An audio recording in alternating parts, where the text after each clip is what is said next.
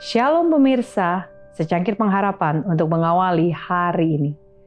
Tarik aku dari jalan kejahatan, supaya engkau terlepas dari jalan yang jahat, dari orang yang mengucapkan tipu muslihat, dari mereka yang meninggalkan jalan yang lurus dan menempuh jalan yang gelap, yang bersuka cita melakukan kejahatan, bersorak-sorak karena tipu muslihat yang jahat Amsal 2 ayat 12 sampai 14. Sejak kejauhan Adam telah menjadi mode dunia untuk berbuat dosa. Testimonies for the Church jilid 6 halaman 129. Dalam hati yang tidak dibarui terdapat kasih terhadap dosa dan kecenderungan untuk membela dosa itu dan memaafkannya. Alfa dan Omega jilid 8 halaman 533 lazimnya keinginan untuk berdosa menunjukkan delusi jiwa.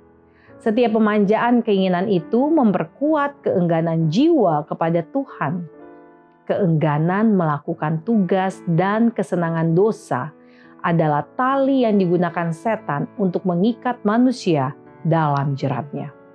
Testimonies for the Church jilid 5 halaman 53. Dengan melihat kita menjadi berubah Meskipun dibentuk menurut gambar penciptanya, manusia dapat mendidik pikirannya sedemikian rupa sehingga dosa yang dulu dibencinya akan menjadi menyenangkan baginya.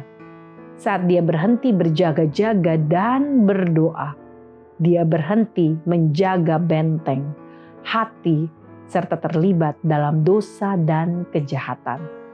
Pikiran direndahkan dan tidak mungkin untuk mengangkatnya dari kerusakan ketika sedang dididik untuk memperbudak kekuatan moral dan intelektual dan membawanya tunduk pada nafsu yang lebih kasar. Perang terus-menerus melawan pikiran duniawi harus dipertahankan dan kita harus dibantu oleh pengaruh pemurnian kasih karunia Tuhan yang akan menarik pikiran ke atas dan membiasakannya untuk merenungkan hal-hal yang murni dan suci. Testimonies for the Church jilid 2 halaman 479.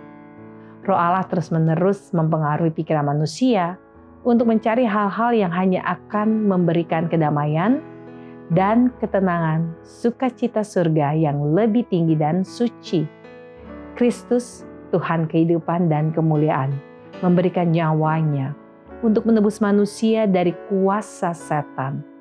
Juru selamat kita terus-menerus bekerja melalui pengaruh yang terlihat dan tidak terlihat untuk menarik pikiran manusia dari kesenangan yang tidak memuaskan dalam hidup ini kepada harta tak ternilai yang dapat menjadi milik mereka di masa depan yang abadi. Testimonies for the Church jilid 4 halaman 580. Demikianlah renungan kita hari ini. Selalu mulai harimu dengan secangkir pengharapan.